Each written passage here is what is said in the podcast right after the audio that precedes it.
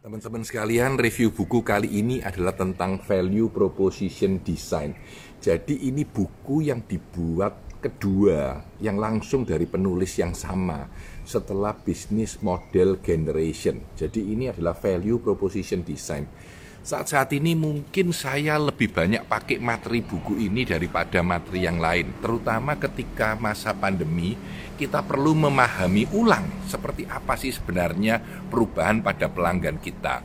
Jadi buku ini merupakan kelanjutan daripada uh, bisnis model canvas. Ini bisnis model canvas. Kalau Anda lihat bisnis model canvas ini ada di buku uh, bisnis model generation ya. Jadi ini adalah delapan langkah, delapan kotak yang bisa memahami bisnis kita secara keseluruhan. Anda bisa mengikuti review buku saya sebelumnya untuk lebih memahaminya. Nah, di buku ini sebenarnya dia hanya fokus pada dua, yaitu value yang diberikan kepada pelanggan dan segmen pelanggan yang kita kejar.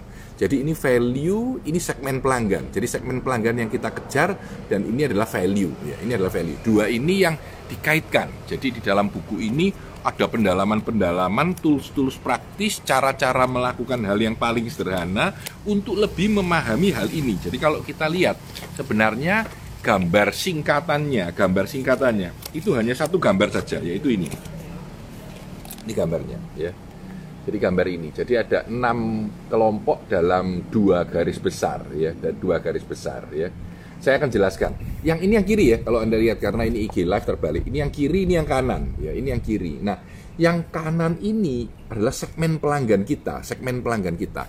Kita harus paham pelanggan kita itu seperti apa, apa yang dilakukan oleh pelanggan kita, apa yang dia takuti atau apa yang menjadi pain dia atau apa yang kesakitan dia dan apa yang menjadi kebanggaan dia kalau dia beli produk kita. Ya, kalau dia beli produk kita. Lalu di sebelah kiri itu adalah diri kita. Yang paling kiri adalah produk atau servis yang kita jual, ya. Dan kalau kita melihat, kita ulangi ya, saya ulangi ya ini adalah pelanggan kita. Saya ambil contoh aja mungkin ya lebih gampang ya. Mungkin begini, uh, saya ingin mengambil mahasiswa yang ingin mengambil S2 Oh ya, misalkan ya, orang yang ingin mengambil S2, ketika seorang mahasiswa ingin mengambil S2, biasanya dia sudah kerja, biasanya sudah kerja ya. Nah, di sini kita gambarkan orang yang sudah kerja itu seperti apa, ya. Lalu kita lihat dulu kalau di bawah ini adalah pain-nya, ketakutan dia untuk mengambil S2 itu apa? Tidak suka homework, ya. Lalu tidak suka mikir yang terlalu dalam, ya. Lalu waktu yang mepet, ya. Lalu misalkan susah untuk mengerjakan tugas akhir atau skripsi. Misalkan loh ya, ini pinnya dia, pinnya dia maka produk kita, pelajaran S2 kita harus bisa melayani pain ini atau kesakitan ini. Jadi painnya misalkan uh, kalau dia kesulitan akan waktu karena kerja ya, maka bisa juga mata pelajaran itu diambil selain live dulu ini dulu ya, dulu ya nanti kalau pandemi kita pindah ya. Juga bisa online, juga bisa online gitu ya. Atau kalau kita bilang sekarang justru online itu menyembuhkan eh, apa ketakutan dia atau kesakitan dia untuk ikut kuliah di dalam waktu yang terbatas. Jadi ini contoh ya, contoh. Lalu eh, apalagi yang dia takuti? Misalkan dia paling tidak enak itu bayar uang kuliah berat maka kita menyembuhkannya dengan membayar uang kuliah cicilan. Ini contoh cara berpikirnya, ya. Misalkan lagi banyaknya homework atau pekerjaan rumah di mana mereka sudah kerja dan punya pekerjaan sendiri. Maka kita membuat kuliah yang homeworknya minim atau sedikit gitu ya. Mereka takut akan skripsi. Bagaimana kalau kita membuat kuliah yang skripsinya dibimbing oleh dosen dan relatif mudah. Nah, ini yang kita pakai konsep untuk membentuk MM atau S2-nya Institut Asia, Institut Asia. Ini pola pikir, pola pikir ya. Lalu kalau kita lihat di sini adalah gain. Gain itu adalah kebanggaan atau uh, apa namanya apa yang dia peroleh kalau dia mengambil S2 itu.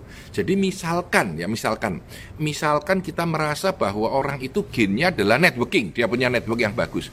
Maka apa yang bisa kita lakukan untuk melakukan gain booster untuk membuat boosting supaya gainnya lebih bagus.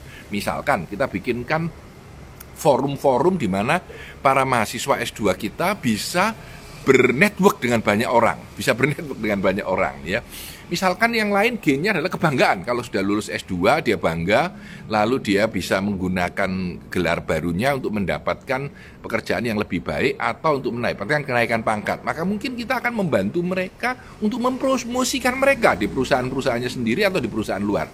Ini contoh bagaimana kita melihat framework yang disebut dengan value proposition design. Ya, value proposition design itu adalah nilai yang kita tawarkan kepada pelanggan ya itu seperti apa dan kita perbaiki. Nah, korelasinya dengan masa pandemi ini adalah ketika kita melihat kembali klien kita atau segmen market kita, maka kita bisa menggunakan konsep value proposition design ini untuk mempercantik, untuk memperbaiki penawaran kita kepada mereka ya.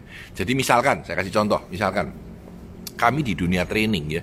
Kami tahu segmen market kami itu adalah perusahaan dan kita lihat perusahaan itu di masa ini ketakutannya adalah wah nanti kalau ketinggalan orang saya gimana? Kalau ketinggalan dengan dunia eh, pandemi baru ini uh, tidak mampu memikirkan ide-ide baru nanti setelah lewat enam bulan setahun bagaimana bersaing dengan dunia? Nah itu contohnya painnya, painnya dari seorang uh, dari kacamata perusahaan tentang karyawannya ya atau pain kedua adalah karyawannya tidak efektif saya kasih dua contoh aja ya nah kalau karyawannya tidak efektif maka pain reliever adalah kita membuat training yang bisa membuat karyawan mereka lebih efektif dan mungkin kita berikan tools sehingga kita bisa memonitor supaya kita tahu karyawannya lebih produktif. Ini contoh ya. Kedua, misalkan kita takut orang-orang itu ketinggalan, maka kita bikin training, misalkan innovate or die, misalkan uh, bagaimana uh, strategic strategic design for corporate strategy, misalkan ya. Jadi, jadi dengan kita memahami pain pelanggan kita, ya, kita bisa memberikan penawaran yang sangat tepat. Ini ini pola pikirnya, ya. Jadi di dalam pemikiran tentang value proposition design, ya itu sebenarnya sederhana. Kita paham pelanggannya dengan situasi sekarang. Apa ketakutan dia? Apa yang bisa kita obati dari pelanggan dia ini supaya dia bisa menjadi lebih efektif dan lebih happy ketika bekerja? Ya. Lalu apa yang dia banggakan kalau dia ikut dengan kita atau ikut dengan produk yang kita tawarkan? Itu kita boosting lagi supaya menjadi lebih baik di dalam bisnis apa pun. Menurut saya ini adalah tools yang sangat menarik yang bisa Anda aplikasikan. Jadi buku ini terdiri dari banyak sekali bab-bab dan berwarna ya. Dan tools-tools yang bisa dipakai. Basic idenya adalah dengan memahami segmen pelanggan kita dan apa yang kita tawarkan supaya ini bisa lebih fit. Kalau fit, cocok, maka penawaran kita akan menarik buat pelanggan kita ya. Ini adalah pola pikir yang menurut saya sangat dibutuhkan di masa pandemi ini yaitu memahami nilai-nilai yang kita tawarkan kepada pelanggan ya supaya value proposition kita menjadi lebih masuk pada dia.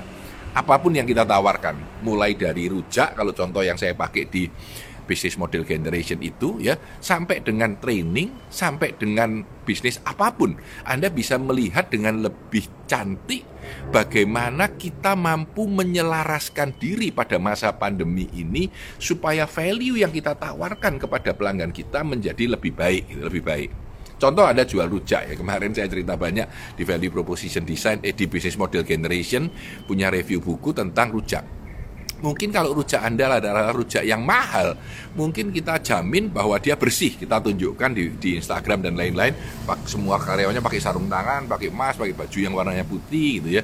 Lalu kita lihatkan bagaimana kita meraciknya dengan bumbu-bumbu yang bersih segala macam ya. Lalu kita packaging dalam plastik yang bagus ya. Nah, ketakutan pelanggan akan rujak yang kotor ataupun kemungkinan adanya virus-virus pandemi bisa ditepis atau disembuhkan dengan adanya solusi itu. Itu yang yang menarik menurut saya.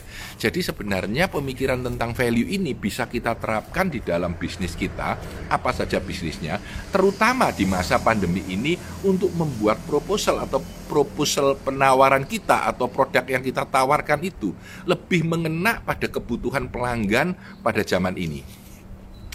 Ini uh, review buku sederhana saya, Value Proposition Design tentu tidak bisa mengcover semuanya, tetapi setidaknya memberikan gambaran ini buku apa dan membuat Anda mau untuk membelinya kalau Anda merasa ini cocok dan berguna untuk Anda. Saya Tanah Di Santoso, sukses selalu untuk Anda.